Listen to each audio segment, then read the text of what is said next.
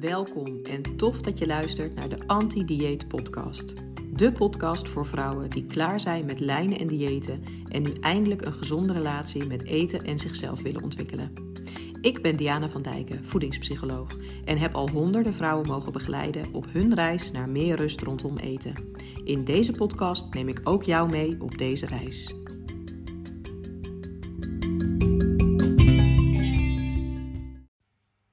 Welkom bij weer een nieuwe aflevering van de Anti-Dieet Podcast.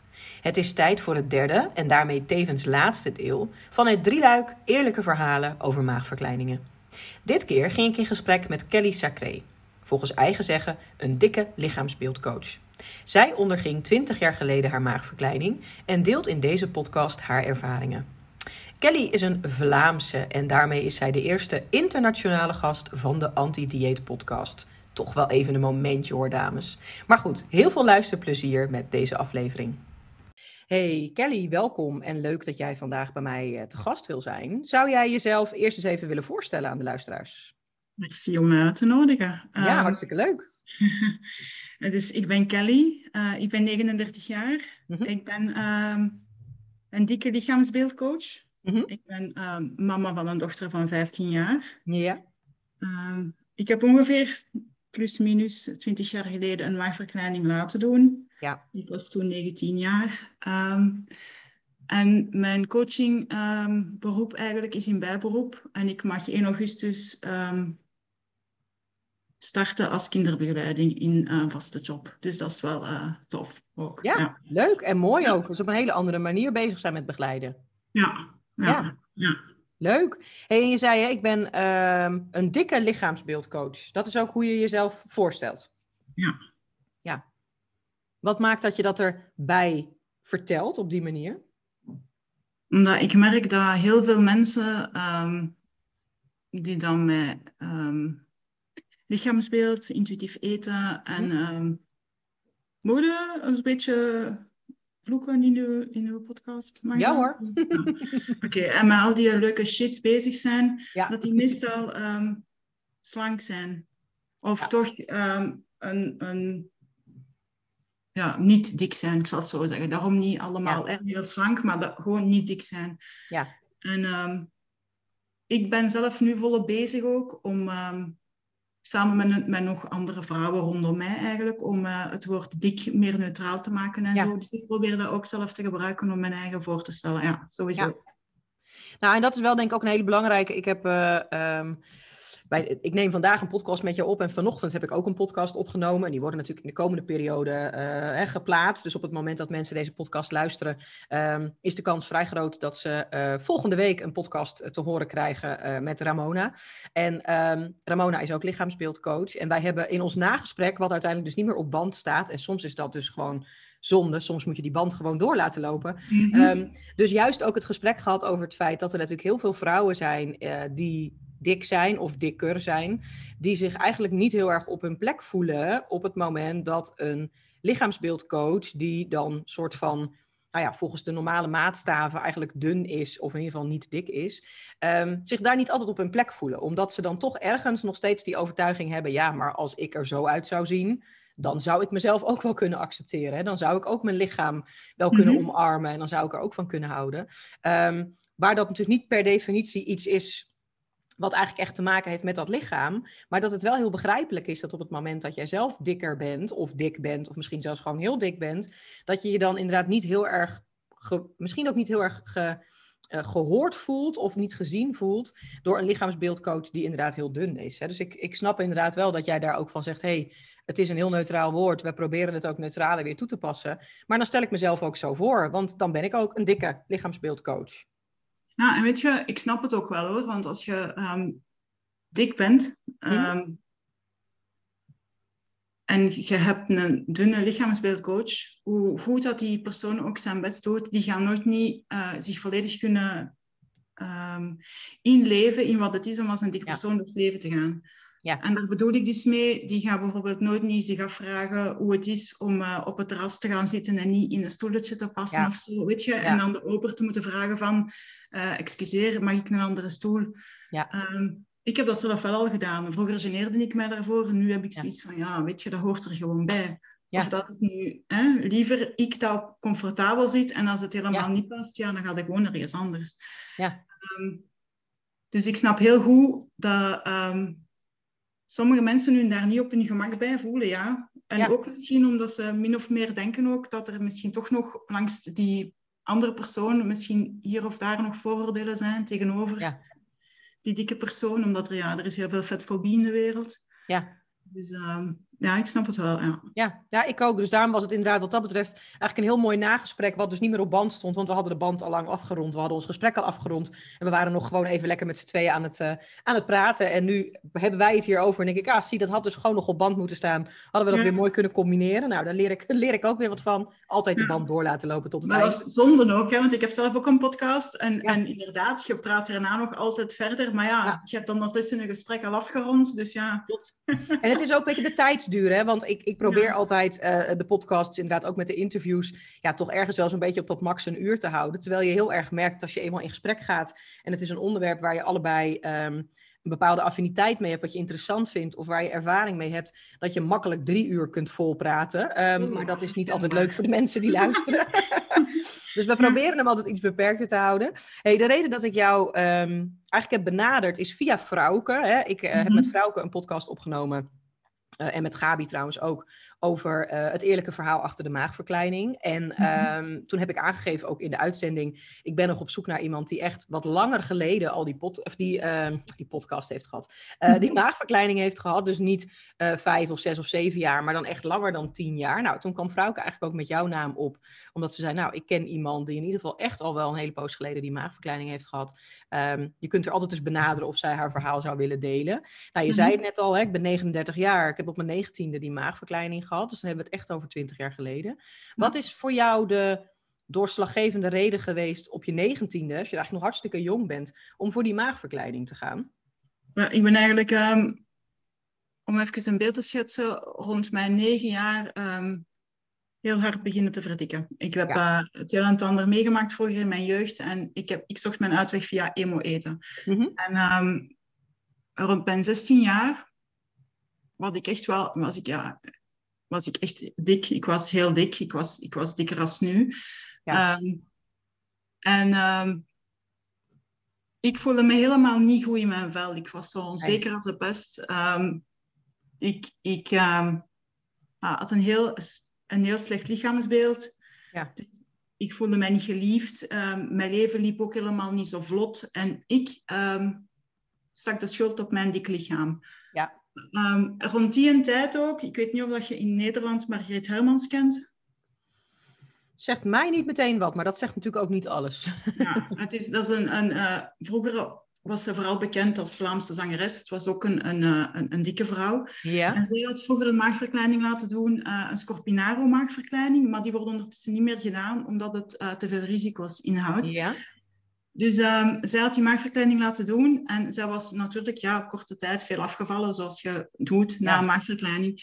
En ik zag dat resultaat en ik dacht op mijn 16 jaar van wauw, ik wil dat ook. Ik ja. wil dat ook, ik wil mager worden, ik wil ook die maagverkleining. Um, dus ja, ik wil dat ook hebben. Maar ja, natuurlijk, 16 jaar was te jong, dus ze deden dat nog niet. Um, en natuurlijk, ja, op mijn 19 jaar, ik had mijn eerste jobje. ja.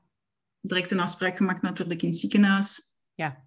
En um, ja, omdat ik ook um, heel dik was, tussen ja. aanhalingstekens, um, vonden de dokters dat ook niet echt een probleem. En die zeiden direct van ja, want je BMI is heel hoog. Ja. dus ja, we gaan dat natuurlijk direct doen. Ondanks dat ik geen gezondheidsklachten had. Alleen, ja. laten we het zeggen, ik, ik was psychisch niet in orde, maar daar hebben ze nee geen onderzoek naar gedaan. Ja, daar hebben ze geen nee. onderzoek naar gedaan. Het was vooral uh, een onderzoek bij de diëtisten. Ja. Van wat heb je in het verleden al gedaan? En het was dan ja, een paar onderzoeken bij de dokter. Ja. En um, dat was het eigenlijk. En dan ja, heb ik die maagverkleining laten doen, eigenlijk gewoon puur om te vermageren. Ik moet ja. niet zeggen dat het was voor mijn gezondheid, want dan zou ik liegen. Nee, maar je ziet inderdaad dat het voor heel veel vrouwen um, is het. Um, is het ook niet zo zwart-wit als het is puur voor je gezondheid of het is puur omdat je dunner wil worden. Het is heel vaak ook dingen die daarin door elkaar lopen. En het feit dat we als maatschappij het ook belangrijk vinden dat mensen dan dun zijn, want dan zijn ze vast ook gezonder, hè, tussen aanhalingstekens. Mm -hmm. um, Maar in heel veel gevallen is die druk op ik wil slank zijn, daarin ook wel een hele belangrijke reden om uiteindelijk voor zo'n maagverkleining te gaan. En dat was dus twintig jaar geleden ook al, hè, toen dat mogelijk was. En dat is nu voor heel veel vrouwen nog steeds misschien stiekem eigenlijk een belangrijkere reden dan ehm, ik ben niet gezond of ik heb het idee dat ik daar gezonder van word. Ik denk dat de gezondheidsreden gewoon vaak gebruikt wordt. Maar ik denk als je dan dieper gaat kijken, dat het echt wel gaat om slank zijn. Misschien in een paar uitzonderingen dat het misschien echt gaat om de gezondheid. Ja. Maar ehm, ik, ik kan me moeilijk inbeelden dat alle mensen dat zeggen, ik laat mijn ma uh, ga maagverkleining doen omwille van gezondheid, dat het ook effectief zo is. Ik denk dat er nog een beetje schaamte in zit ook om er echt vooruit te komen van het is om te vermageren. Omdat zeker nu met, met die anti-dieet movement dat op aan komen is en dat body positivity gedoe. Dus ik denk dat het nu zo... Nu is het niet meer om te vermageren, maar echt om de gezondheid. En, ja, ik, ik kan dat moeilijk geloven dat het echt allemaal alleen om de gezondheid is. Ik, uh, ik denk dat het in heel veel gevallen inderdaad een mix is van dingen. Maar dat er, ik denk dat er ongetwijfeld mensen rondlopen um, die zo op het hart gedrukt gekregen hebben, ook vanuit artsen, dat het voor hun gezondheid zo ontzettend belangrijk is. Uh, terwijl we eigenlijk weten dat dat misschien ook niet helemaal het geval is. Maar dat, dat daar ook zo de nadruk op gelegd wordt dat je misschien ook het idee krijgt, ik moet het haast wel doen voor mijn gezondheid. Want iedereen zegt dat dat belangrijk is. Um, dat dat nog niet per se voor jou dan ook betekent dat jij dat daarom hè, doet. Maar dat je wel het idee hebt dat je dat bijna... Um, nou ja, dat je bijna je verantwoordelijkheid uh, daarin wel moet nemen. Want als al inmiddels, inmiddels al zes of zeven artsen tegen je hebben gezegd dat je toch echt wel moet gaan afvallen en dat die maagverkleining daar de oplossing voor is, dat je dat dan ook misschien daarom wel gaat doen. Maar dat inderdaad voor heel veel vrouwen en ook mannen overigens daarin echt wel die druk er ook omheen zit, dan word ik dunner. Hey, maar je zei net wel, hè, eigenlijk um, zat ik als we kijken naar psychische of mentale gezondheid, ging het eigenlijk helemaal niet zo goed. Maar daar werd eigenlijk helemaal niet naar gekeken. Het was een arts en het hm. was een diëtiste. Dus het voortraject stelde in dat geval eigenlijk niet heel veel voor. Nou, toen niet. Hoe dat het nu gaat met de voortrajecten kan ik natuurlijk niet, niet zeggen. Maar toen op die moment zelf niet. Want hadden ze een beetje moeite gedaan om uh, um, dat te zoeken. Hoe dat het met mijn uh, psyche ging. Dan um, hadden ze wel gemerkt dat ik toen op die moment in mijn leven helemaal niet goed in mijn vel zat. En dat er van alles mis was in mijn leven. En dat een maagverkleining toch niet de oplossing ging zijn. Nee. De oplossing zou geweest zijn, ja. ja. Nee, en dat is natuurlijk eigenlijk wel heel, heel uh, nou ja, eigenlijk best wel tragisch. Hè? Want al hadden ze wel um, dat onderzoek gedaan, hebben wij zo spreken. Dan is nog maar de vraag of ze er dan vervolgens iets mee gedaan hadden. Hè? Wat, wat Vrouwke in haar aflevering ook vertelde, was dat ze notabene eigenlijk had aangedragen... joh, ik ben in het verleden ook uh, behandeld voor een eetstoornis. En um, hè, dat zijn echt wel dingen waar we, hè, waar we misschien alert op moeten zijn. En eigenlijk zijn dat contra-indicaties. Eigenlijk zijn dat redenen om niet in aanmerking te komen voor die maagverkleining. Maar daar werd vervolgens helemaal geen aandacht aan besteed. Dus het was wel gedeeld, maar vervolgens werd dat ook niet opgepakt. Hè? Dus je ziet ook wel dat al zou mhm. je het wel delen, het ook maar de vraag is of ze er dan adequaat op reageren en er ook wat mee doen. Dat is erg. Ja, dat ja het is echt heel erg. Dus ja. um, bij jou hebben ze er überhaupt niet naar gevraagd. Dat is minstens zo beroerd als je er goed over nadenkt. Dat is feit, um, maar, maar, al vragen ze er dus wel naar, is ook maar de vraag of ze er daadwerkelijk iets doen met die informatie. Hey, mm Heb jij toen nog lang moeten wachten of kon je al vrij snel ook door voor die maagverkleining? Ja, dat is redelijk snel gegaan eigenlijk hoor, allemaal. Ja. Dat is redelijk snel gegaan allemaal, want ik ben dan um, ja, ik heb een paar vooronderzoeken moeten doen voor mijn darmen en zo, dacht ik dat dat was. Ja. Ik weet dat allemaal niet zo precies niet meer. Zo, maar um, ik ben eigenlijk redelijk snel in het ziekenhuis dan kunnen, kunnen gaan. En dan ja. ben ik in een dag in het ziekenhuis en in twee dagen werd ik geopereerd. Ja. En dan moest ik nog drie dagen of zo daar blijven en dan mocht ik naar huis.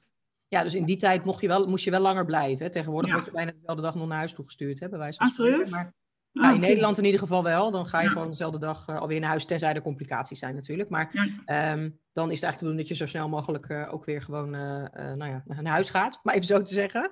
Dat is um, nog eigenlijk aan de lopende band dan. Ja, dat is echt een beetje lopen. Erg, ja. ja, het was echt toen al zo erg. Ja. ja. Hey, en hè, toen mocht je, moest je een paar dagen blijven en daarna ga je dan naar huis. Hoe, zijn die, hoe is die eerste periode gegaan nadat je die maagverkleining hebt gekregen? Ja, ze raden nu eigenlijk in het ziekenhuis aan om eigenlijk uh, gedurende zes weken ongeveer op vloeibare, ja. vloeibaar eten te, te eten eigenlijk. Dus um, ja. ik had eigenlijk vooral van die, want ik vond dat toen lekker, maar ik heb er nu een degoe van, rara, hoe zou dat komen? Ja. Van die Alpro uh, yoghurtjes zo met bananensmaak en vanille en zo, dat had, dat had ik toen graag. Of zo van die soepjes of zo, dat, dat had ik dan ja, gedurende zes weken. En dan, ja, dan vermagerde er sowieso al, ik weet niet hoeveel, ja. want je kreeg praktisch niks binnen. En nee, dan daarna zo, ja, En dan daarna mijn klein hartje proberen dan om uh, gepureerd eten te eten. Hè? Want ja, in het begin zit je schrik er natuurlijk wel in. Alleen bij mij toch vroeger van oei, hè? want ja. hoe gaat dat zijn? Wat gaat dat geven? Ja. Maar dat ging eigenlijk allemaal heel vlot. Ja. ja. En heb je in het begin veel pijn gehad of viel dat ook mee? Dat viel heel goed mee, ja. Er was niet zoveel pijn. Nee, dat viel heel goed mee. Vooral in het begin, ja, als je pas geopereerd bent, natuurlijk, dat is normaal dat je dan pijn hebt. Maar ik kon eigenlijk redelijk snel recht staan en, uh, naar het wc gaan zelf en me een beetje opfrissen en zo. Dus dat ging allemaal goed. Daar heb ik niet echt uh, problemen mee gehad, nee. Hey, en toen je, uh, want je zei al zo mooi, ja, als je gewoon gaat leven op, uh, op Alpro-yoghurtjes en op soepjes, dan ga je sowieso natuurlijk wel, uh, wel afvallen. Ga je sowieso vermageren, al heb je geen maagverkleining gehad. Hoe ging mhm. dat bij jou qua gewichtsverlies in de, in de, in de eerste maanden? En misschien hè, tot wanneer was je sowieso nog aan het vermageren? Wanneer stagneerde dat weer? Ik ben eigenlijk, ehm, het eerste jaar ging dat eigenlijk heel snel. Mm En dan daarna ben ik eigenlijk tot een jaar en een half um, vermagerd. Tot de jaren en half. En dan is daar op gewicht gebleven eigenlijk. Ja. Oh, ja, tot de jaren nadien. Hè, want dan is het er terug bijgekomen. Maar toen merkte ik van, het, het daalt niet meer. Ja. ja. dus dat was eigenlijk zo'n beetje zo, hè, het eerste jaar, anderhalf jaar, dan ben je aan het afvallen. Mm Wat... Wat voor impact had dat op jou, dat je je lichaam zo zag veranderen? Dat er van alles veranderde in je hele systeem? Mijn lichaam veranderde ongelooflijk snel, maar ik kon dat, ik kon dat geestelijk niet, niet vatten. Nee. Want ik ging in de winkel nog altijd naar de grote maten. Ja. Ehm, als er een man met mij aan het flirten was, had ik, totaal, had ik dat totaal niet door. Ik was echt, um, ja, ik, ik kon dat niet, niet vatten eigenlijk.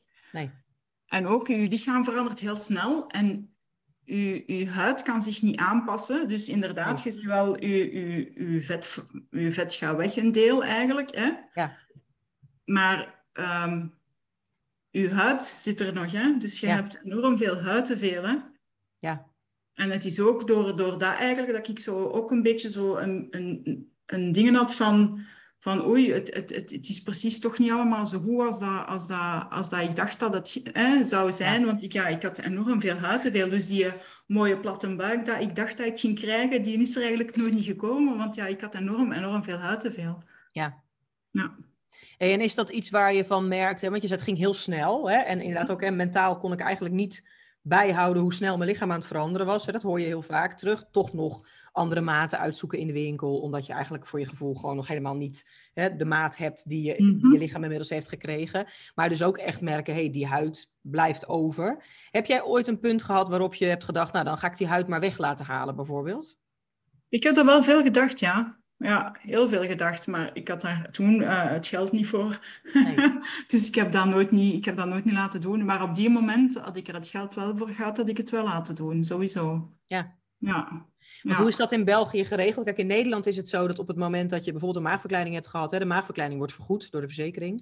Mhm. Ehm, op het moment dat jij heel veel huid overhoudt en je bent op een gegeven moment een aantal jaar stabiel, of ik meen dat je een jaar stabiel moet zijn in gewicht, um, en uh, die huid is ook echt Um, hè, zit je niet zozeer mentaal in de weg, wat natuurlijk absoluut het geval is. Maar zit je ook fysiek in de weg? Hè? Dus je kunt bijvoorbeeld bepaalde dingen bijna niet doen of het gaat smetten. Of dan kom je bijvoorbeeld wel in aanmerking voor het feit dat dat dan toch een soort van vergoed tussen aanhalingstekens um, wel weggehaald wordt. Hoe is dat in België? Zijn daar überhaupt regels over hoe dat werkt op zo'n moment?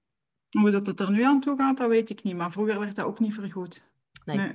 Nee, dus dan moest het ook echt uit eigen portemonnee, ja. je dat, zou je dat dan moeten gaan betalen. Ja, en als je het geld dan niet hebt, dan doe je dat dus niet. Ja, dan doe je het ook niet. Plus ja, het is, ik had huid te veel, maar het is nu niet dat ik zoveel huid te veel had dat het ontstoken was of zo. Hè? Dus op dat vlak viel het gewoon mee, maar ja, het was enorm veel huid te veel. Ik moet er niet over gaan liegen, vooral aan mijn buik en aan mijn billen. Maar het was niet dat het ontstoken was of zo. Dus ik denk als het zo'n regelgeving zou geweest zijn als bij jullie, bij jullie in Nederland, mhm. dat ik ook niet zou goedgekeurd geweest zijn of zo, denk ik. Nee.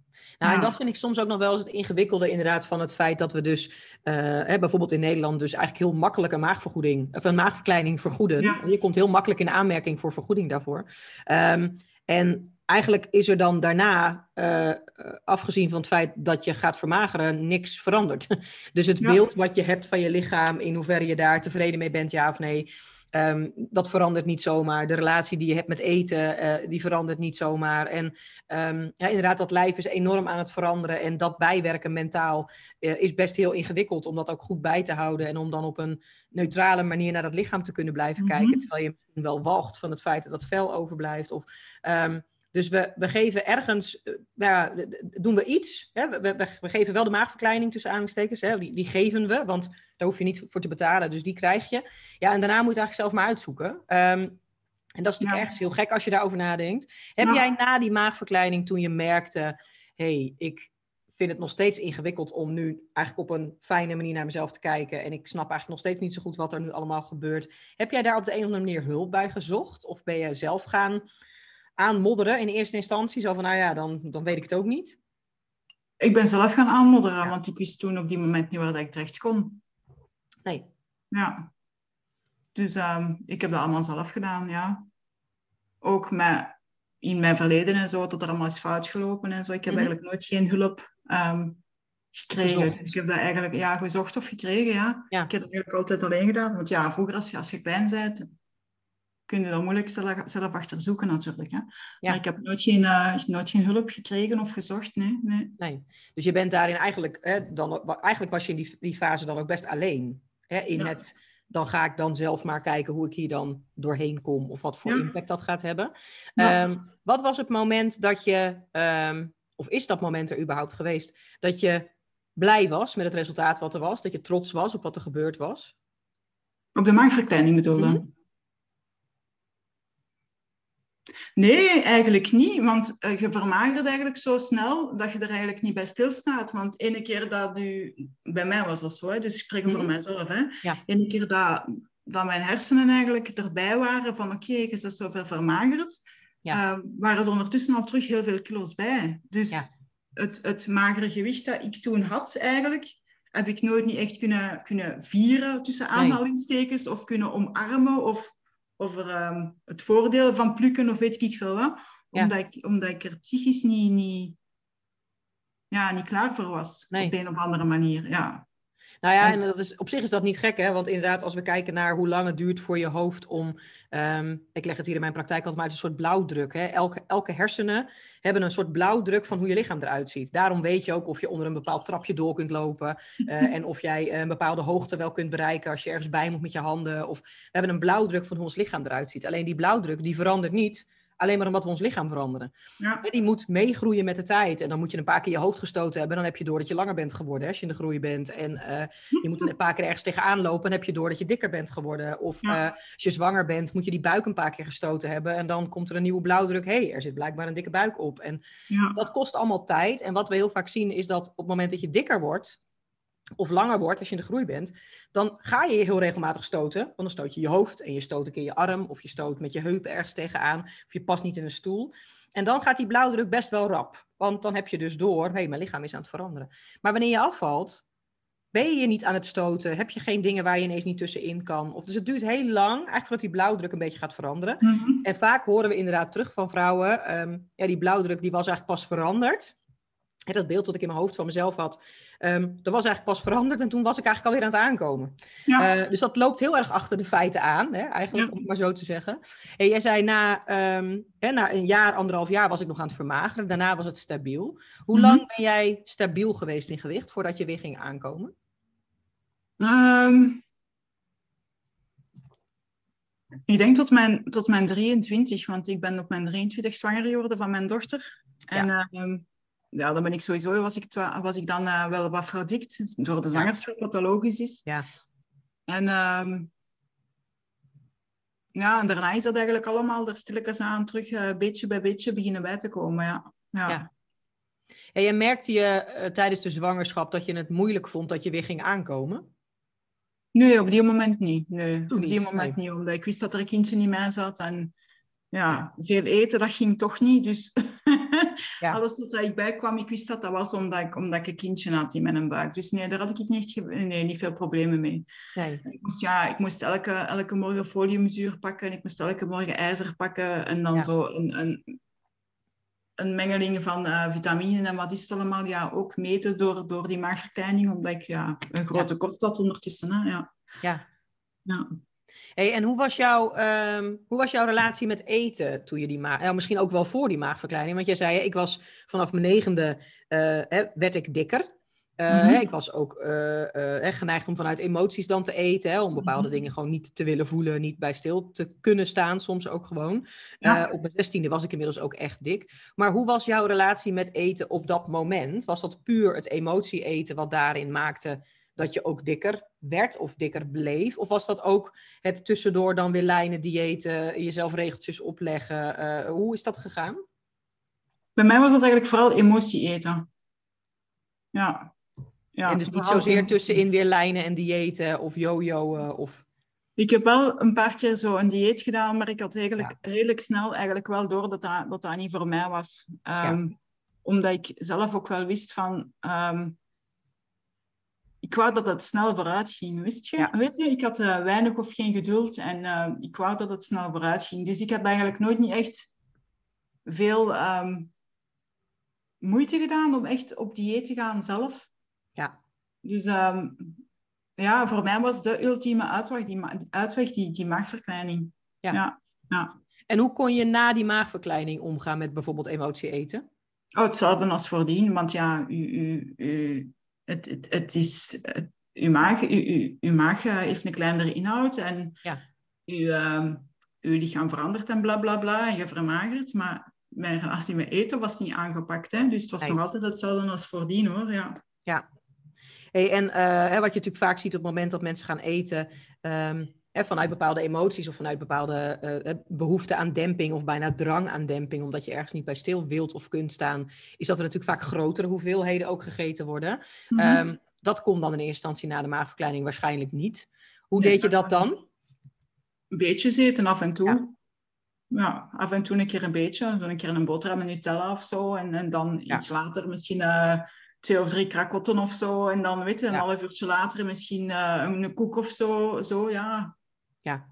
Telkens kleine beetjes, want veel in één keer eten ging niet. Dat gaat nog steeds eigenlijk niet trouwens.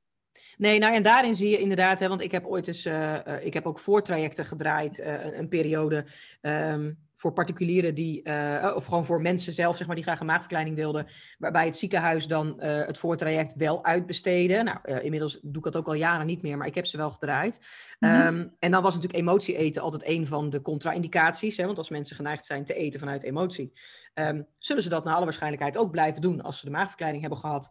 Alleen de vraag is op welke manier ze dat dan inrichten. Um, en de mensen die ik dan na maagverkleiningen nog wel eens sprak, die gaven inderdaad eigenlijk allemaal hetzelfde aan. Dat als ze dus ergens goedgekeurd waren voor die maagverkleining, maar ze aten altijd vanuit emotie. Dan gingen ze dus of gedoseerder eten, dus kleinere porties, maar dan hè, even ertussen en dan was het iets gezakt en dan kon er weer wat anders bij. Maar ik heb ook voorbeelden gehad van vrouwen die zeiden, ja, ik kon geen snicker zo meer opeten, maar een snicker in de blender met een beetje melk en ik maakte er een milkshake van en dan kon ik net zo goed dempen. Hè. Dus we, we gaan op zoek dan naar een andere manier om het voor elkaar te krijgen omdat we ook niet hebben geleerd hoe het eigenlijk anders zou kunnen. Hè, want daar is geen aandacht aan besteed. Um, dus jij gaf, geeft aan, hè, mijn relatie met eten is eigenlijk na die maagverkleining was die nog hetzelfde. Die was mhm. eigenlijk nog steeds op dezelfde vlakken moeizaam of ja. uh, lastig. Sowieso, of, ja. um, hoe is dat nu? Want nu zijn we natuurlijk heel veel jaren verder. Hoe is die relatie met eten nu? Mijn relatie met eten nu is oké. Okay. Ik, um, ik snoep nog altijd heel graag. Mm -hmm. Want dat is ook iets dat ik, dat, dat, dat ik ga blijven doen. Um, ja. Ik ben ondertussen nog vegetariër sinds een jaar of vier. Mm -hmm. en ik verdraag sommige eten, sommige, voedings, sommige voedingsmiddelen totaal niet. Bijvoorbeeld nee. als ik spaghetti maak voor mij, spaghetti saus, mm -hmm. dan ja, maak ik voor mij natuurlijk een portie apart, zonder gehakt, sowieso. Maar ik blend mijn portie ook altijd. Dus omdat je er juist dat ja. voorbeeld zei van de snickers. Omdat ik, als ik stukjes heb, uh, stukjes groente, vooral dan paprika. Paprika's en uh, tomaatjes en zo of zo. Als ik dat heb en uh, ik eet dat in grote stukken en ik knabbel het niet te goed, ja. ik verteer dat niet. En dan zit ik een half uur later op de wc en moet ik overgeven. Ja, nu, twintig jaar nadien, nog altijd. Dus als ik, en zelfs dan nog, um, heb ik er soms nog van. Dus dat het uh, ja. te smakelijk gegeten is of zoiets. En dan, ja, zit ik een half uur nadien op wc. En dat, is dus dat is wel een hele duidelijke complicatie die jij er ook aan hebt overgehouden. Hè? Dus dat, je, dat je echt merkt dat je maag-darmsysteem het ook gewoon minder goed kunnen verteren. Ja. ja. en dan ga je uiteindelijk overgeven. Want als het niet vanuit je darmen of vanuit je maag goed je darmen inkomt en het gaat daar niet uh, doen wat het moet doen, dan moet het uiteindelijk ook, ja, komt toch weer je maag uit. Hè? Dus dan ga je inderdaad overgeven. Ja, en dat is dan ook niet in één keer. Dat is dan zo eerst, um, nou, ik ga een beetje expliciet zijn. Hè? Mhm. Dat is dan in eer, de eerste keer um, vooral maagstappen. Ja. En de tweede keer ook maagstappen. En dan zo de derde en de vierde keer komen er zo stukjes uit. Ja. Dus dan is het echt de, de content zelf dat eruit komt. Maar dat is altijd zo drie, vier keren. En dat is echt, echt een ramp. Ja. De vorige keer waren we gezellig thuis bij mijn moeder. En mijn broer was daar ook. En zijn vriendin was daar. En van, oh, gaan we nog gezellig een pizza eten? En van, ja, ja, dat is goed, dat is goed. We gaan nog een pizza eten. dus we hadden dan de pizza gegeten. Ik en mijn moeder hadden er een gedeeld. En mijn dochter had ook iets en hè, we hadden allemaal iets. En ik had er zelf van, ik had twee of drie stukjes pizza gegeten en ik ben daarna, ja, een half uur later ging ik over de pot, omdat het, ja, ja. En mijn broer zo, ja, eigenlijk heb je een soort medische boeiemie of zo eraan overgehouden. Ik zeg, ja, inderdaad. Ja. Nou ja, maar eigenlijk is dat wel wat er gebeurt. Kijk, mensen die met, met bulimia kiezen er dan, even kiezen, het is natuurlijk een psychiatrische aandoening, hè, laten we dat voorop stellen, maar um, die willen eigenlijk dat wat, wat ze aan eten in hun lichaam hebben gestopt, willen ze zo graag weer kwijt, dat ze gaan overgeven. En op het moment dat jij dat uh, maar lang genoeg aan doen bent, en je steekt heel vaak je vingers in je keel, dan wordt die kokhalsreflex ook veel makkelijker. Dus op een gegeven moment hoef je bijna alleen maar te denken aan overgeven, en dan kun je al overgeven. Dat zien we bij mensen met bulimia heel duidelijk. Um, maar op het moment dat je lichaam het eten inderdaad niet kan verteren of niet wil verteren, um, ja, dan wil het er eigenlijk ook vanaf. Dus dan gaat overgeven ook steeds makkelijker. Waar dat natuurlijk helemaal niet um, nou, ten eerste helemaal niet is wat je wil en het is ook helemaal niet prettig. Maar het is wel heel logisch, omdat je lichaam dan inderdaad eigenlijk denkt, nou ja, als ik het dan niet kan verteren, doe dan maar weg. Ja, um, want dan ben ik tenminste weer leeg. Hey, dus dat is een hele duidelijke complicatie. Een van de andere, ja, we noemen dat toch altijd maar wel een complicatie, uh, die je eraan hebt overgehouden, is natuurlijk het feit dat je eigenlijk nadat je heel veel bent afgevallen, ook gewoon wel weer bent gaan aankomen. Uh, en uiteindelijk ook best wel flink weer bent gaan aankomen, hè, zoals je het zelf ook wel beschrijft. Ja, ik heb ehm, dan ongeveer drie vierde terug ben aangekomen. Van hetgeen dat ik verloren ben, ik ben ongeveer drie vierde terug bijgekomen. Ja. ja, en dan zie je dus inderdaad hè, dat op het moment dat je dan zwanger bent, dan kan je eigenlijk nog met, uh, met bewondering naar dat lichaam kijken en denken, hé, hey, maar er groeit een kindje in en het is ook helemaal prima. En daarna zie ik het wel. Daarna bleef je eigenlijk hè, gestaag dan aankomen. Hoe keek je mhm. in die tijd naar je lichaam? Ja, met dubbele gevoelens eigenlijk. Hè? Want um, ik had periodes dat ik heel veel bijkwam, mm zonder eigenlijk er iets voor te doen. En dan had ik periodes dat ik heel veel afviel ook terug, zonder er ook iets voor te doen. Dus ik kon met momenten uh, in één keer pakt 8 kilo erbij komen en dan in één keer bijvoorbeeld 10 kilo vermageren. Ja. En dan um, in één keer terug 10 kilo erbij. Ja. En dan in één keer terug 5 kilo vermageren. Dus zo is dat heel, heel lang gegaan. En nu ben ik ongeveer al, um, ja, pakt een jaar of vijf, zes stabiel. Ja. Ja. Maar dan heb je dus inderdaad, want we hebben het over twintig jaar geleden, uh, heb je natuurlijk die maagverkleining gehad. Nou, dan eerst een aantal, hè, een, goed jaar, anderhalf jaar stabiel. Daarna eigenlijk al wat beginnen aan te komen, toen zwanger geworden. Hè, en daarna eigenlijk gestaag aankomen. En eigenlijk ben je toen gaan jojoen. Ja. In plaats van dat je gestaag ging aankomen, was je lichaam eigenlijk gewoon van de leg. En uh, ging het de ene keer naar boven en de andere keer weer naar beneden. Wat natuurlijk ook een heel, um, heel ingewikkeld proces is om dan ook mee te maken. Hè? Want wat je zelf al zei, ja, ik deed er eigenlijk niks voor. En dan kwam ik aan. Ik deed er ook weer niks voor en ik viel weer af. Ja, ik deed er helemaal niks voor, want ik, ik, ik, ik, gewoon, ik, ik, leefde gewoon mijn leven dat ik altijd leefde. En dan zeiden er plots mensen tegen mij van...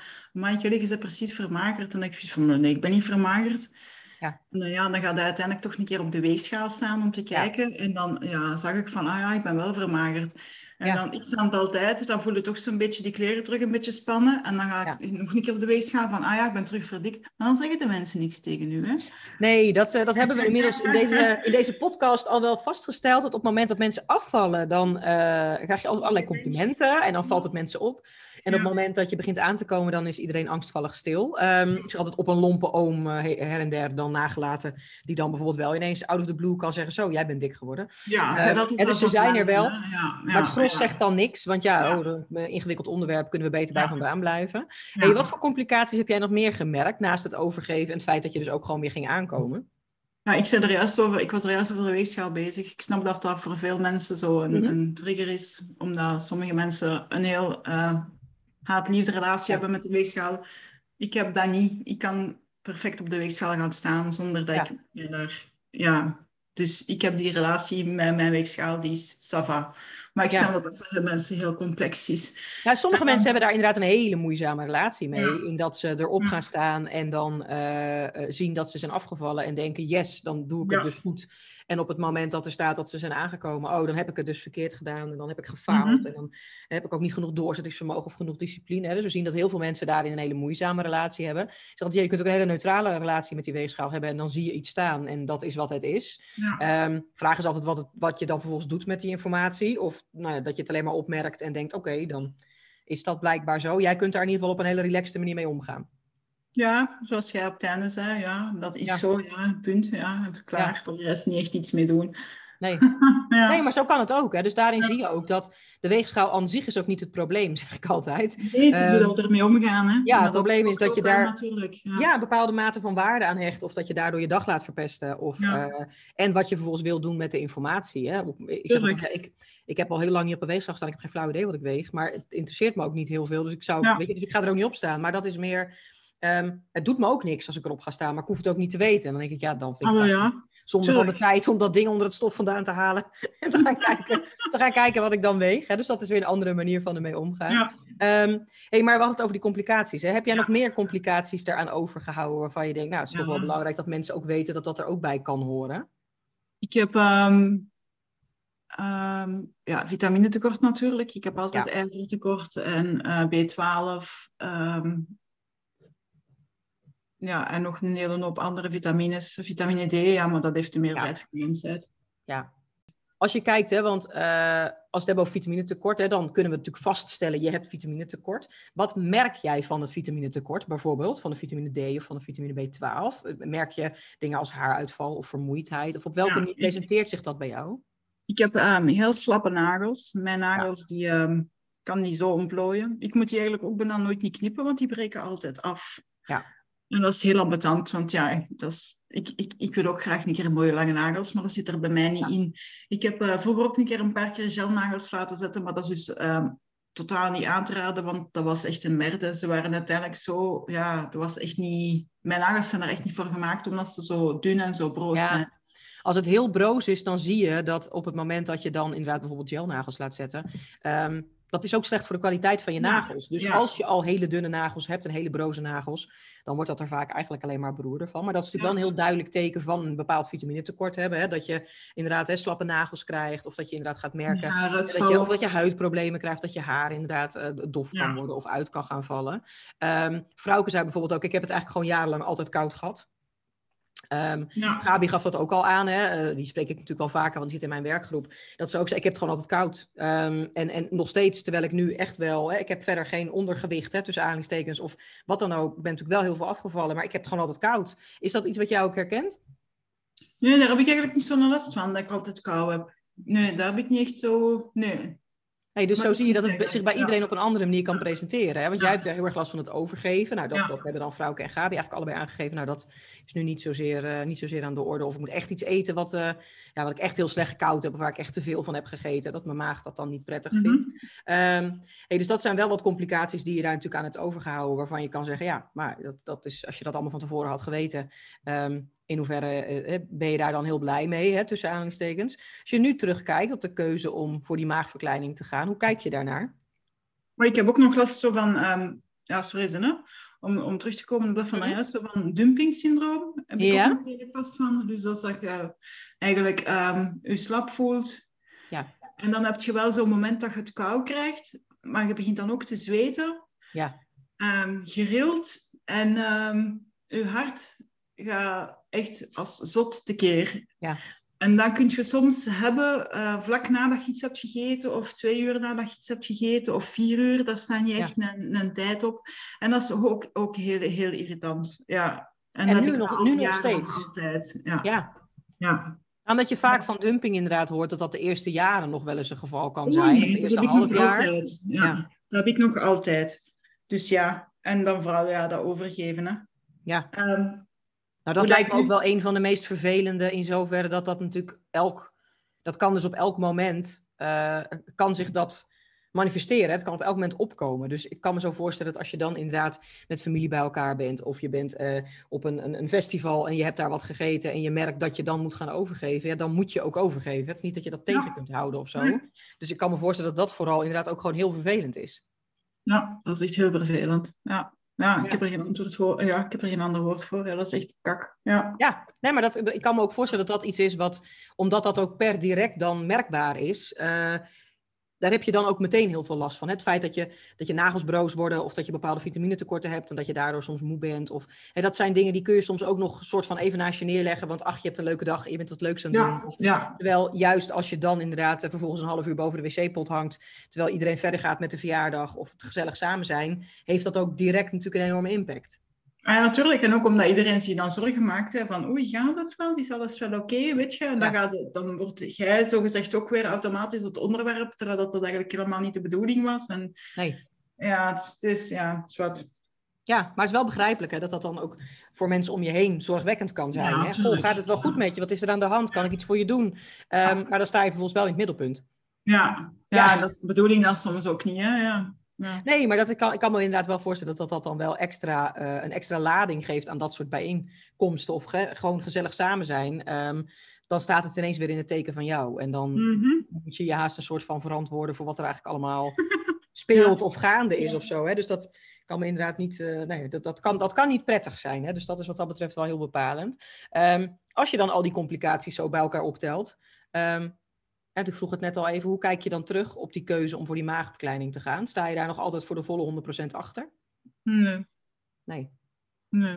Had ik toen alle informatie die ik nu heb, dan had ik het niet gedaan. Maar ja, ik neem het mezelf ook niet kwalijk dat ik inderdaad die beslissing heb genomen, want het was voor mij toen de, de beste beslissing ja. om te nemen. Ik wist ook toen niet beter. Ik bedoel, ik nee. was 19 jaar, ik was piepjong. Ja. Um, dus ik heb ook niet echt... Um, rare gevoelens naar mezelf of zo, of haatgevoelens of zo naar mezelf. Ik, ik heb toen gedaan volgens wat ik wist. En ja. moest ik toen weten wat ik nu wist? Nee, ik zou het niet meer gedaan hebben. Nee. nee. nee. nee. Nou, en als je ook terugkijkt, je was natuurlijk ook echt nog heel jong. Hè? Als je dan ja. kijkt inderdaad naar een meisje van 19. Ja, uh, je zei net zelf, hè, ik heb nu een dochter. Uh, weet je, als die over een paar jaar 19 is, ja, wat weet je nou eigenlijk als je 19 bent? Hè? Dan ben je ook gewoon nog hartstikke jong en nog heel... Um, ja, nou, in Nederland zeggen we dan, dan ben je nog een beetje bleu. Hè? Dan, dan, mm -hmm. Je weet ook gewoon helemaal niet zoveel. En Tuurlijk. dan is het ergens natuurlijk ook heel raar, tussen aanhalingstekens, dat je dan dus zo'n beslissing kan nemen die zo niet meer terug te draaien valt in hoe je in je lichaam bepaalde dingen natuurlijk laat veranderen. Um, als je nu, uh, als er mensen luisteren nu, hè, die een maagverkleining uh, overwegen bijvoorbeeld, hè, op welke manier Um, heb jij het nu met mensen over zo'n maagverkleining? Als mensen, daar jou, als mensen jou daarnaar vragen, van joh, uh, uh, zou ik dat dan wel moeten doen of zou ik het niet moeten doen? Hoe kijk je daarnaar? Ik zeg gewoon eerlijk mijn mening. Mm -hmm. um, ik heb verschillende mensen in mijn omgeving dat uh, een maagverkleining hebben laten doen. Ja. Ik was de eerste ja. in mijn omgeving dat dat heeft laten doen. En natuurlijk zagen de mensen direct resultaat. Ja. Um, na mij zijn er verschillende mensen gevolgd, waaronder mijn ja. moeder mijn moeder, haar zus, mijn tante, uh, haar zoon, um, de kant van mijn vader, mijn tante uh, heeft dat ook laten doen. Veel mensen in mijn familie ja. hebben dat laten doen. Um, mijn één tante dat dat heeft laten doen, langs de kant van mijn moeder, die, um, die heeft zo volledig alles gedaan. Uh, een volledige nieuwe boekjob, uh, de huid mm. laten weghalen, hè, helemaal, helemaal ja. alles gedaan. Hoe dat haar relatie met eten is en of dat ze veel last heeft van haar lichaam zelf, dat weet ik niet, daar kan ik niks over zeggen. Ja. Uh, mijn andere tante, die, um, die eet eigenlijk weinig of niks meer, maar die uh, drinkt heel veel nu. Dus zij is eigenlijk ja. Um, ja, alcoholieker nu geworden. Um, ja. Er zijn statistieken, er zijn, er zijn onderzoeken gedaan waaruit dat blijkt ook dat een, als je een maagverkleining hebt, dat je dan uh, meer kans maakt om verslaafd te worden aan drank.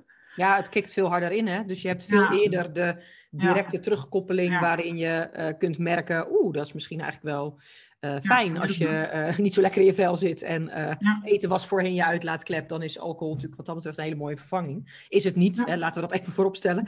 Um, maar dat gebeurt inderdaad wel vrij veel onder mensen die maagverkleining hebben. Inderdaad. klopt. En dan uh, bij mijn moeder um, is het eigenlijk hoe dat het hoort te zijn. Mijn moeder die, uh, heeft een maagverkleining laten doen, die is haar gewicht verloren en die is dat gewicht nu, pakt na 18 jaar of zo, nog altijd kwijt. Ja. Die heeft ook nooit geen last. Um, die heeft bijna nooit geen dumpings. Die, heeft, um, nee. die moet nooit niet overgeven. Die heeft nergens last van. Nee. Zij heeft ook even gedacht om uh, haar huid te laten weghalen, maar ze is daar ook van afgestapt. Um, zij kan met momenten redelijk veel eten en dan, ja.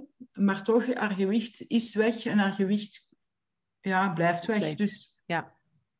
het, het, het, het zijn uh, unicorns, om het zo te zeggen, maar ze bestaan.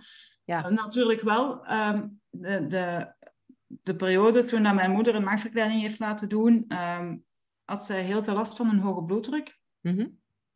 En ze hadden gezegd van als jij uh, vermagert, dan gaat je bloeddruk ook dalen en dan ga je uh, geen last meer hebben van een hoge bloeddruk. Ja. Nu, in het begin was dat ook zo. Mijn moeder had in het begin ook geen last meer van een hoge bloeddruk. Dus zij is dan um, haar medicatie eh, beginnen af te, af te... Hoe zeg je dat? Afbouwen, ja. Ja, juist, ja. ja. ze is dan haar medicatie beginnen af te bouwen. En um, het is er dan daarna ook mee gestopt. Tot wanneer dat ik en mijn partner dan een keer naar, um, naar haar thuis gingen met een bloeddrukmeter. om haar bloeddruk nog eens te meten. Het was toen juist begin COVID. Ja. En um, toen bleek dat zij een hele, hele hoge bloeddruk had. Ja. En uh, ik was zelf niet op de hoogte dat zij haar medicatie niet meer pakte, maar blijkbaar pakte ze die niet meer. En dan um, heb ik haar wel direct naar de dokter gestuurd. En een dokter heeft dan haar, uh, haar bloeddruk gemeten. En inderdaad, nu moet ze terug elke dag mooi braaf haar pillen pakken voor haar bloeddruk onder controle te houden. Dus het is een ja. fabeltje dat ze zeggen als je vermagert dat je um, van je hoge bloeddruk afgeraakt. Want ofwel heb je er aanleg voor, ofwel heb je er geen aanleg voor. Nee, daar zit te maken met gewicht. Nee, en dat zit inderdaad een heel groot verschil. Wat we zien is dat er een hele grote groep mensen is die uh, gewoon een genetische aanleg hebben voor een hoge bloeddruk. Mm -hmm. um, en een hele grote groep mensen bij wie dat niet zo is. En dan zien we inderdaad dat op het moment dat mensen dan uh, iets gaan doen aan gezondheidsgedrag. En of dat nou betekent dat ze in de basis een wat gezonder gevarieerd eetpatroon krijgen. Of ze gaan meer bewegen, of ze gaan meer slapen. Uh, of ze stoppen met roken, of ze ervaren minder stress. Dan gaat die bloeddruk naar beneden. Maar niet als jij familiaire hoge bloeddruk hebt. Dan blijft die gewoon hoog. Um, mm -hmm. En dan zien we inderdaad dat op het moment dat wij uitgaan van gezondheid, we in heel veel gevallen dat heel makkelijk presenteren. Als je afvalt, je hebt een lager gewicht, dan ben je per definitie gezonder. Maar dat is ja. bullshit. Het kan ja. zijn dat je gezonder wordt. Kan ook zijn dat dat niet zo is. Um, ja. Een deel van je gezondheid heb je sowieso daarin natuurlijk niet onder controle. Maar het laat natuurlijk wel zien, hè, het plaatje wat jij nu ook schetst, maar ook wat we natuurlijk om ons heen zien gebeuren. Er zijn echt mensen die die maagverkleining hebben gehad. En ook 10, 15 of 20 jaar later nog steeds uh, een soort van het gewicht hebben wat ze daarvoor hadden. Hè. Vaak is er wel weer een paar kilo bijgekomen, gewoon omdat je lichaam weer ergens een paar reserves wil opbouwen. Maar die zijn er. Alleen er zijn ook minstens zoveel mensen, en misschien als we heel eerlijk zijn, wel meer mensen, mm-hmm. die na die maagverkleiding uiteindelijk toch weer gaan aankomen. En daar ook allerlei complicaties en hinder van ondervinden. Ja. Maar dat ergens ook toch niet durven te delen, omdat daar een soort van taboe op zit, of omdat ze bang zijn dat zij het verkeerd hebben gedaan. Hè. Wij hadden uh, voordat we de podcast uh, aan hebben gezet, hadden wij een voorgesprekje waarin het ook even ging over het idee dat heel veel vrouwen, um, en dat zal voor mannen daarin hetzelfde gelden, dan toch het idee hebben, als ik naar die maagverkleining weer ga aankomen, dan heb ik iets niet goed gedaan. In plaats van mijn lichaam is gewoon weer aan het terugvechten. Daar heb ik zelf eigenlijk bijzonder weinig controle op. Nee, ik heb het verkeerd gedaan, dus het is ook mijn schuld dat ik weer ga aankomen. Dus deel ik het ook maar liever niet. Hè, dan heb ik het daar liever niet meer over met mensen, of ik verstop me, of ik uh, wil in ieder geval dat niet in de openheid gooien. Hè, dat het ook wel zo kan zijn dat je weer aankomt, of dat je daar bepaalde complicaties van, uh, van hè, aan overhoudt, of dat je daar dingen bij hebt waarbij het gewoon minder prettig is. Hè. Denk aan het overgeven, denk aan die nagels die niet mee willen werken, of dat je het koud hebt of haaruitval.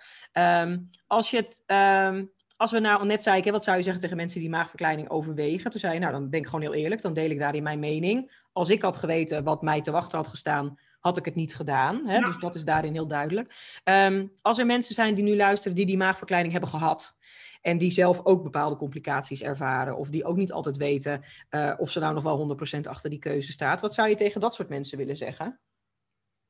Dat ze niet moeten schamen. Mm-hmm. Ja, ja, dat ze niet moeten schamen dat het hun schuld niet is. Nee. Dat ja. het gewoon is wat kan gebeuren. Ja, het is gewoon iets wat kan gebeuren. En het is gewoon iets dat heel vaak gebeurt, maar wat gewoon nooit niet op voorhand gezegd wordt, blijkbaar. En zoals gezegd, vele mensen schamen hun daarvoor en stoppen het een beetje in de doofpot om er niet voor, of komen, willen er niet vooruit komen. Ja. Natuurlijk, er hangt veel schaamte op als je maagverkleining hebt gehad en, en je komt terug bij, omdat zogezegd ja. de maagverkleining de easy way out is. Ja. Ehm, maar dat is het absoluut niet. Ehm, het is absoluut geen easy way out. Zeker niet als je ehm, de verhalen hoort van, van de mensen die dat ik allemaal heb gehoord. Ja. Ik ken heel veel mensen dat complicaties hebben. En soms denk ik ook als ik, ik spreek nu voor mezelf ook, hè. Mhm. De, de, het, het, feit dat ik terug drie vierde van mijn gewicht ben kwijtgekomen, vind ik eigenlijk, uh, ben, ben bijgekomen, vind ik eigenlijk niet erg. Het is, het is dat overgeven dat mij stoort. Ja. Dat ik zoveel ben, ben terug bijgekomen, dat, dat, dat, dat stoort me eigenlijk niet. Nee. Um, dus ja, ik, ik, ik, denk gewoon dat veel mensen daarbij komen en dat complicaties ervaren. Gewoon moeten afstappen van de schaamte en het schuldgevoel. Ja. Als ze kunnen, misschien gewoon een keer naar podcasts luisteren, zoals die van u, zoals die van mij. Ik heb er ook eentje gemaakt een paar afleveringen geleden. Ja. Um, Vinnie Welsby heeft ook een paar mooie af afleveringen over maagverkleiningen. Ja. Um, um, Dingske, um, Body Image with Brie en Reagan Chastain. Die Ja. hebben een hele mooie webinar gegeven ook, uh, ook over maagverkleiningen. Um, ja, leer bij. En, en je gaat stilletjes aan ook erachter komen dat het ook effectief niet uw schuld is. En dat Nee. je je ook helemaal niet hoeft te schamen. Ja. Nee, en dat het oké praat is. erover, Ja. deel het gewoon, ja, en zonder schaamte. Ja. En hoe meer dat je erover deelt, ook, hoe meer dat je ook reactie gaat krijgen van, ah, ik heb dat ook.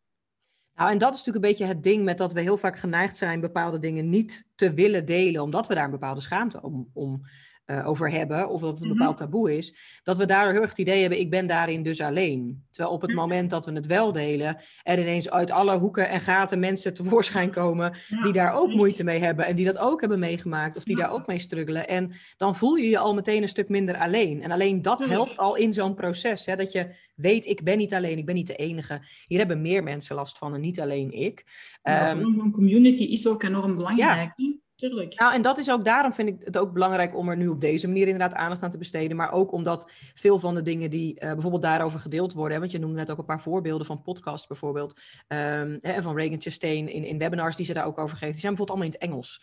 En wat ik Ja, ook best ja. wel vaak merk is dat mensen zeggen, maar ik kan gewoon helemaal niet zo heel goed Engels. Of ik vind het Ja. moeilijk om het in het Engels te volgen. Of Ja. dan gebruiken ze termen en die, die ken ik niet. Of dan weet ik niet precies wat ze bedoelen. Ja, Ehm, is ja, waar. hoe fijn is het dan als je inderdaad in het Nederlands of in het Vlaams kan luisteren Ja. en kan denken, hey, nu snap ik wel wat je bedoelt met bepaalde complicaties of met dingen die daaruit voort kunnen komen. Ja, dat Ehm, wel waar, ja. De ja, meeste je, informatie fijn. dat er, ja, de meeste informatie dat er inderdaad te verkrijgen is, is meestal vanuit Amerika en is meestal ja. in het Engels. Dus het is inderdaad wel fijn om eh, Nederlandse en Vlaamse varianten te hebben, dat het er ook over hebben.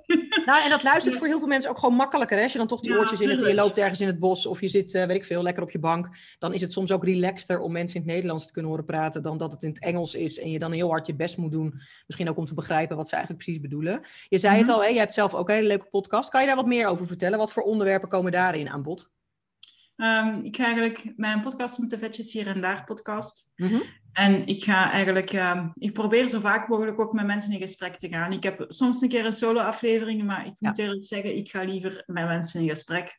Ja. Ehm, ik vind het aangenamer. Ik ga graag op, eh, op zoektocht wat het die mensen bezighoudt. En ik probeer zoveel mogelijk informatie over hun op te zoeken dan.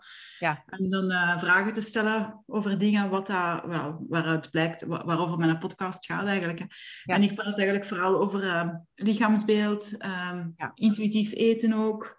Um, health at every size, fat Ja. acceptance, hè? dus Ja. het accepteren van het dik zijn, vetfobie, ehm, gewichtsdiscriminatie komt ook vaak aan bod. Aan, bo Ja. oh. Aan bod. ja. Op je bord, is bijna hetzelfde. Ja, Ja. ja, bijna hetzelfde.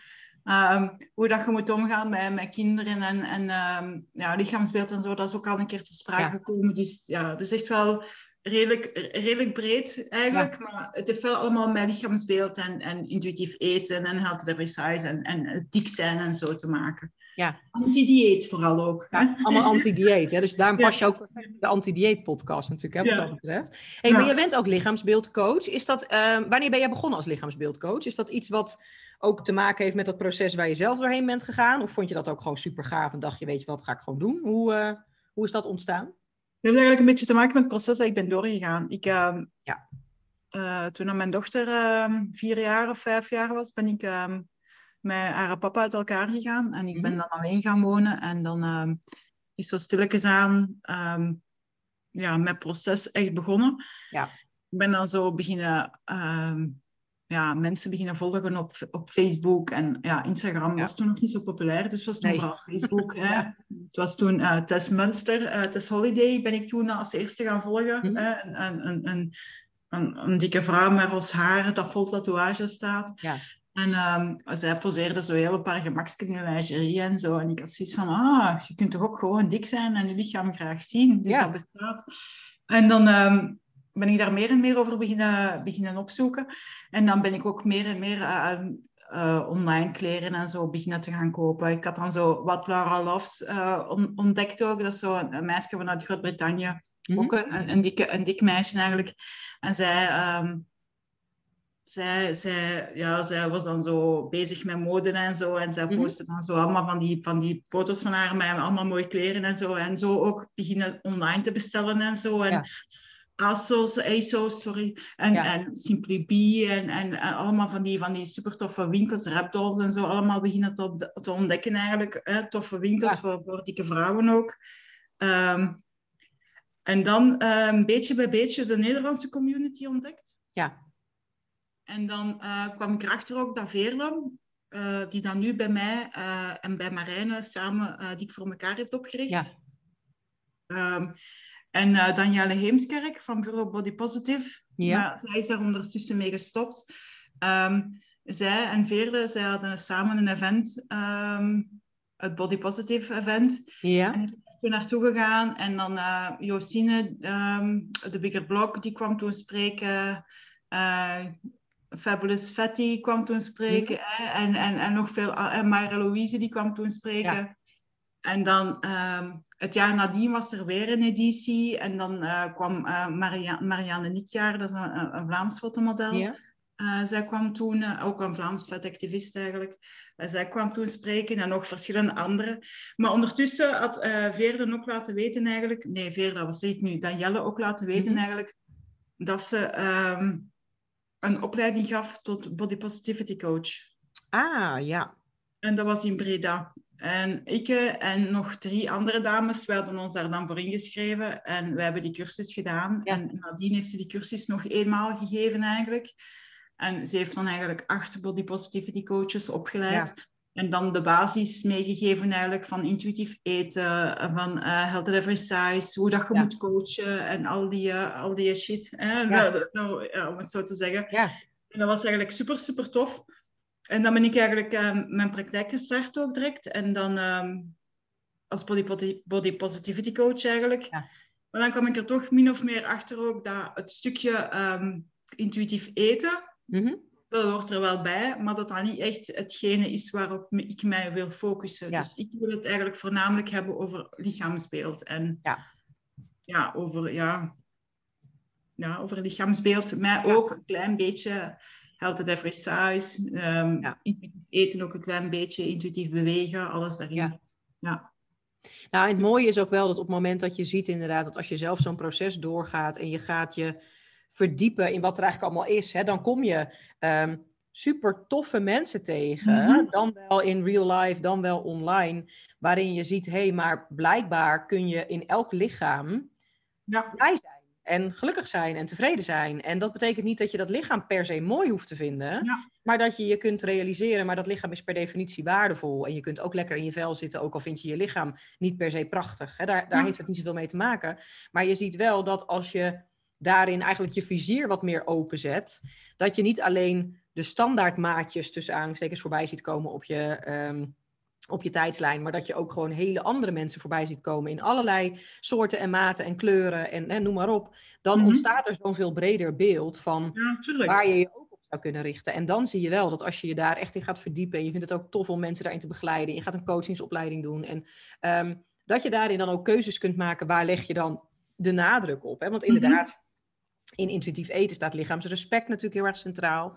Um, in Health at Every Size gaat het natuurlijk vooral ook om het idee... iedereen kan gezond zijn, uh, in welk lichaam dan ook. En je kunt daarin keuzes maken in hoe je je wil gedragen... en wat je wil doen om daarin bij te kunnen dragen aan je gezondheid. Maar dat ben je ook nog eens helemaal aan niemand verplicht. dus je kunt daarin natuurlijk keuzes maken waar je als... Um, coach of als begeleider of als hulpverlener of als psycholoog dan in mijn geval op wil richten.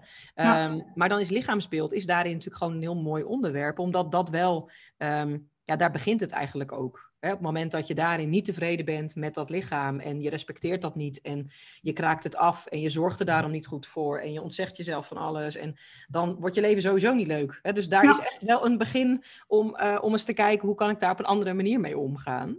En jij zei net, het is voor mij mijn bijberoep hè? En, en in ieder geval start ik binnenkort ook nog weer met een ander, uh, met, met een ander coachingstuk, eigenlijk een andere begeleidingsstuk van kinderen. Um, voor je, nu ben je nog wel volledig dan lichaamsbeeldcoach? Of heb je nu ook al een ander beroep ernaast? Nee, ik ben uh, momenteel uh, in ziekteverlof. Ja. Uh, dus ik ben momenteel eigenlijk niet aan het werk. Omdat um, ik ben momenteel een traject aan het, uh, aan het doen voor narcolepsie. Oh, ja. Dus ik heb er ook al wel wat over gedeeld in mijn podcast. Ja, en, ik, nu, ik heb er iets ook over voorbij zien komen. Dus er gaat ineens ja. een belletje winkelen. Ja, inderdaad. Ja, en um, op mijn, op mijn stories ook. Dus ik heb eigenlijk al sinds dat ik um, 12 jaar of zo ben, uh, het vermoeden dat ik narcolepsie heb. Maar ja. ja. niemand heeft er ooit niet naar gekeken. Um, tot wanneer dat ik dus begin dit jaar zelf besloten heb om ermee aan de slag te gaan. Ja. en een dokter die heeft mij onverwacht eigenlijk, want ik had het niet verwacht, heeft mij heel lang thuis gezet eigenlijk. Ja. Uh, tot wanneer de, al die onderzoeken afgelopen zijn. Ja. En nu 5 juli eigenlijk moet ik um, de, de uitslag hebben van, um, van mijn ruggenprik. Ze hebben zo um, vocht afgenomen ja. om te kijken of dat ik hypocretine aanmaak of niet. Dat is een stof in je hersenen eigenlijk dat het uh, waak- en slaapsysteem regelt.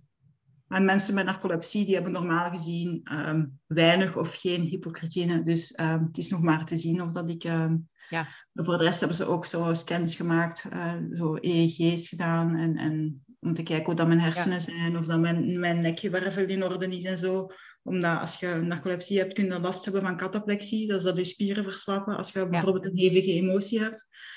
En ja, dus afwachten. Ja, nou ja, dat is ook wel weer spannend natuurlijk, hè? Of dat, ja, ja hè, allemaal onderzoeken en zo'n heel, heel, eigenlijk een heel traject in om te kijken ja. of dat dan eventueel toch een rol speelt. Um, en dat, maar dat laat je er dus niet van weerhouden om te zeggen, maar ik wil wel dan en dan ook gewoon wel starten met een nieuwe baan en uh, wel gewoon mijn leven leiden. Tuurlijk, het is, uh, het is de bedoeling dat er centjes binnenkomen. Hè? dus ja.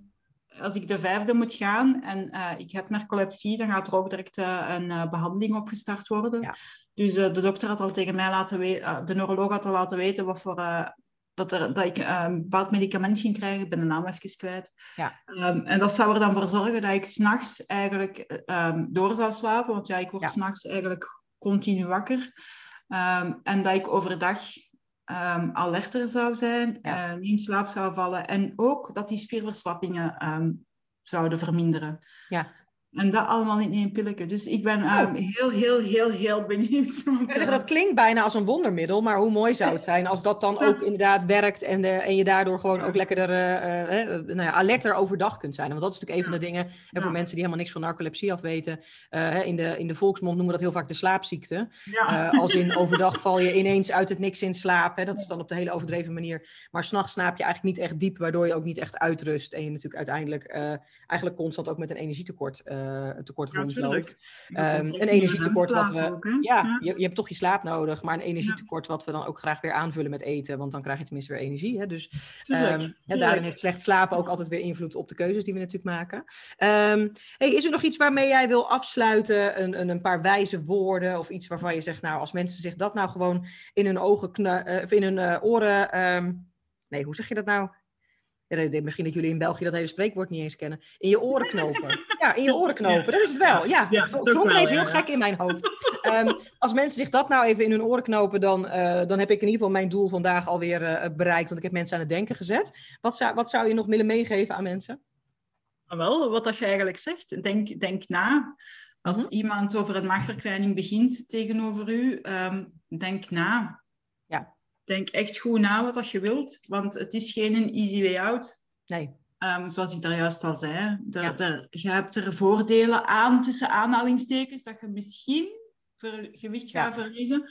Maar er staan oh, zoveel nadelen tegenover en niemand gaat u daar iets van zeggen. Nee. Um, Tenzij dat je naar podcasts zoals deze luistert, dat, waar, waar dat mensen zoals ik en Frauke en zo aan, aan het woord komen. Maar um, ja, denk gewoon na. En laat u niet zot maken door een of andere dokter of door uh, familieleden of zo. Om, dat zeggen dat een maagverkleining uh, positief gaat zijn voor gezondheid en bladibla. Um, Denk gewoon echt zelf na en weeg echt goed de voor- en de nadelen af. Ja, en inderdaad, vraag jezelf ook gewoon heel goed af wat je ermee denkt te bereiken. En of dat wel hetgeen is waar je ook, uh, wat je ook gaat bereiken. Hè, door daarin inderdaad een maagverkleining uh, tegenaan te gooien, om maar even zo te zeggen. Ja, en niet alle maagverkleiningen zijn slecht, inderdaad. Ja, zoals die bij mijn mama, die is goed gegaan. Maar ja, je, je, je, hebt geen glazen bol. Hè. Je kunt dat niet op voorhand, op voorhand zeggen. Hè bedoel, moest, ik, moest ik weten, ja, weet je, ik, ik, was er ook nooit niet aan begonnen. Ik dacht ook dat mijn maagverkleining ging zijn zoals die van mijn moeder. Dat is niet zo. Dus je weet dat niet op voorhand. Nee. Dus um, ja. Garanties krijgen we niet. Nee. Dus dan inderdaad, maar in ieder geval heel goed afwegen voor jezelf wat je eigenlijk wil en of dat wel is wat je kunt bereiken op die manier. Ja. Ja, ik denk dat het een hele mooie is om, uh, om mee af te ronden. Behalve dan dat het natuurlijk wel leuk is om nog even te delen waar mensen jou kunnen vinden. Als ze meer van jou willen weten of meer over jou willen uh, lezen. Of hè, waar kunnen ze jou vinden? Bijvoorbeeld op Instagram? Uh, op Instagram is dat gewoon um, op mijn naam, Kelly Sacré, denk mm -hmm. ik. Ja. ja. en, um, maar wat een rare lach was dat. Um, ik had pas een podcast waarin iemand aan mij vroeg: en op welke, uh, waar kunnen mensen jou vinden? Wat is je website? En toen zei ik: um, ik ga nooit naar mijn eigen website. Dus ja, echt, is mijn website eigenlijk. Dus zo'n moment hebben we nu ja. ook. Soms heb je dat gewoon. Ja, ja dat is inderdaad. Ja. Oh, mijn website is uh, vetjes hier en daar. Ja. Dus www.vetjeshierendaar.com. En dan um, daar staat ook mijn podcast op. Ja. Dus als je mijn podcast wilt luisteren, of op Spotify en, en ja. um, Apple Podcast en zo staat ook de Vetjes hier en daar podcast. Ja. Um, en ik heb ook een, een Facebook-pagina, uh, ook onder mijn naam, Kelly Sacré. En daar deel ik mm -hmm. ook zo dingen wat dat, te maken hebben met feminisme, met racisme, met dik zijn. Dus eigenlijk een beetje ook mijn lichaamsbeeld. Ik promote soms ja. ook een beetje mezelf daarop. Ja. Um, dus ja, zo die hele leuke shit. Ja. Van alles wat. nou, hartstikke leuk. Dan kunnen mensen je in ieder geval opzoeken en, uh, en daar gewoon eens wat meer over, uh, over lezen. Of inderdaad ook jouw podcast gewoon eens even luisteren. Hey, dan yes. wil ik jou onwijs bedanken uh, dat je mee wilde doen. Want dat vind ik altijd heel leuk. Um, en um, wij komen elkaar vast ergens in de toekomst wel weer online, online tegen. Ja, Qua afstand zitten we een beetje ver bij elkaar vandaan hè, met België. Maar goed, ach, aan de andere kant, zo groot is de afstand nou ook weer niet. Dus wie weet komen we elkaar nog wel eens ergens op een event tegen als alles weer eens live georganiseerd gaat worden en mag worden. Um, hey, super bedankt en uh, wellicht tot een later moment. Dat is graag gedaan, merci. Hey, dankjewel. Hè. Hoi hoi. Ja, daar was ik nog even, want ik heb ervan geleerd. Ik heb de opname door laten lopen toen Kelly en ik nog even aan het nabespreken waren, nadat we met de podcast bezig waren geweest. En daar kwamen toch nog een paar kleine punten uit naar voren die ik jullie niet wil onthouden. Dus hier komen ze. Alle verhalen moeten gedeeld worden. Hè? Er zijn er goede, maar ja. die zijn in de minderheid. Maar het wordt precies wel altijd gedeeld alsof dat ze in de meerderheid zijn. Ja. Dus het wordt tijd ook dat die verhalen naar boven komen bij mensen waar dat het minder goed gaat of ja. slecht gaat of zo. Dus ja. Dat is ook waarom ik er heel bewust voor heb gekozen nu om drie afleveringen te maken, waarin weliswaar drie verschillende verhalen aan bod komen, met verschillende complicaties, verschillende ervaringen, mm -hmm. verschillende manieren van erop terugkijken. Maar het zijn wel allemaal um, verhalen die anders zijn dan het standaardplaatje wat gedeeld wordt. Nee hoor, dan val je af en dan voel je je heel goed. En dan daarna kom je hooguit twee of drie kilo aan. Dat zijn de reserves die je lichaam aanmaakt. En daarna is het allemaal roze geur en maneschijn. Nou, nee, dat is het gewoon heel vaak Zo is het niet, hè? Tuurlijk nee, niet. maar het is zo zonde als dat het verhaal is wat jij voor ogen hebt en daar laat je je door leiden. Dan ben je eigenlijk ook niet goed geïnformeerd. Ja, dat is waar. Dat vind ik zo zonde, want dan heb je geen eerlijk beeld van wat je te wachten staat. En dan heb je misschien een hele um, naïeve, tussen aanhalingstekens, droom van dan ben ik straks dus slank. Maar ook, hè, dan is dat vel is ook ineens weg en zo. Dat is natuurlijk gewoon ja, niet zo. Het gros houdt enorm veel vel over, wat gewoon heel logisch is. Um, maar daar stappen we dan een beetje overheen, weet je Dan denk je, ja, maar dat is er natuurlijk ook gewoon. En als je daarnaar kijkt en dat vind je moeilijk, heb je daar ook nog steeds last van. Tuurlijk, maar dat was dus bij mij zo hè, vroeger. Ik dacht ook altijd ja. van de ene keer dat ik die maagverkleining heb, gaat mijn leven uh, roze geur en maneschijn zijn. Ja. Ik ga vermageren, iedereen gaat me graag zien. Ja. Uh, ik ga in één keer kei sociaal worden. Ik ga niet meer Ja. zo introvert zijn, maar ik ga extravert worden. Dat is allemaal, dat is allemaal dikke bullshit, want daar klopt niks van natuurlijk. Hè? Nee. Maar daarom heb je veranderd, ik zeg ook altijd, je verandert iets in je lichaam. Ja. Maar het feit dat jij iets verandert in je lichaam, betekent niet dat er verder ook maar iets verandert. Hè? Dus die relatie die je met eten hebt verandert niet. De relatie die je met jezelf hebt verandert niet. Hoe je naar jezelf kijkt verandert niet. Daar is meer voor nodig dan alleen maar in je lichaam snijden. Alleen, het is wel heel vaak wat mensen denken. Als ik maar in mijn lichaam Ja. laat snijden, tussen aanhalingstekens. eh, of als ik dus maar dunner word, hè, dat kan natuurlijk ook met een dieet of door te gaan crashen. Of, ehm, dan wordt alles beter. Maar zo werkt het natuurlijk gewoon niet. Alleen, Nee, die niet. illusie hebben heel veel mensen wel. En dat is natuurlijk heel zonde, want het, het is niet waar.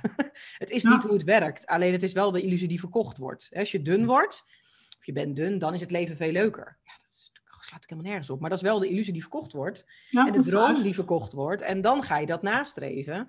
En dan Ja. vind je het stom van jezelf dat het niet lukt. Terwijl ja, weet je, niet elk lichaam is bedoeld om maat 36 te worden. Of om maat 40 te worden. Of om maat 44 te worden. Dat, dat varieert gewoon enorm. En dat mag ook gewoon.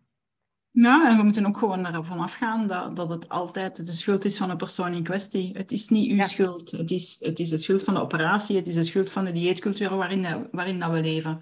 Ja. Het is de schuld van de diëten dat niet werken. Het is niet uw schuld omdat je geen wilskracht hebt of omdat je gefaald bent. Nee.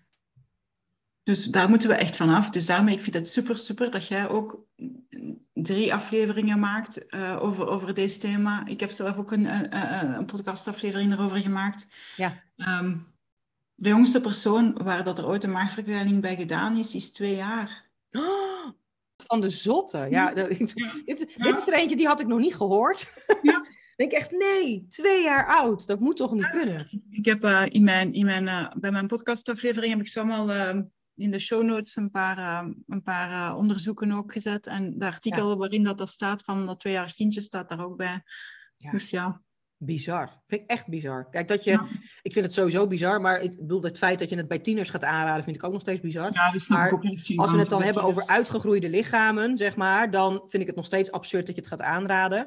Maar het gaat over inderdaad een lichaam wat nog helemaal zich moet gaan ontwikkelen. Ja, dat, daar kan je toch niet op zo'n manier in ingrijpen. Ja, en daarna zijn Kelly en ik nog even verder gegaan in onze enorme verontwaardiging over maagverkleiningen bij hele jonge kinderen en ook bij tieners.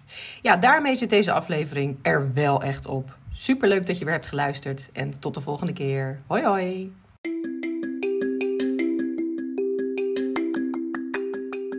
Ontzettend leuk dat je hebt geluisterd. Dank je wel daarvoor. Ik hoop dat je ook de volgende keer weer aanhaakt. Je bent in ieder geval van harte welkom. Vond je dit nou een toffe aflevering? Abonneer je dan op de Anti-Dieet Podcast. Laat sterren achter, schrijf een leuke review of deel deze podcast met andere vrouwen. Dat waardeer ik echt enorm. Wil je me wat vragen of ben je op zoek naar meer informatie? Check dan vooral eens mijn website en mijn socials. Daar vind je ook hele toffe gratis downloads en introductielessen. In de show notes vind je uiteraard alle details. Dit was de Anti-Dieet Podcast. Tot de volgende keer.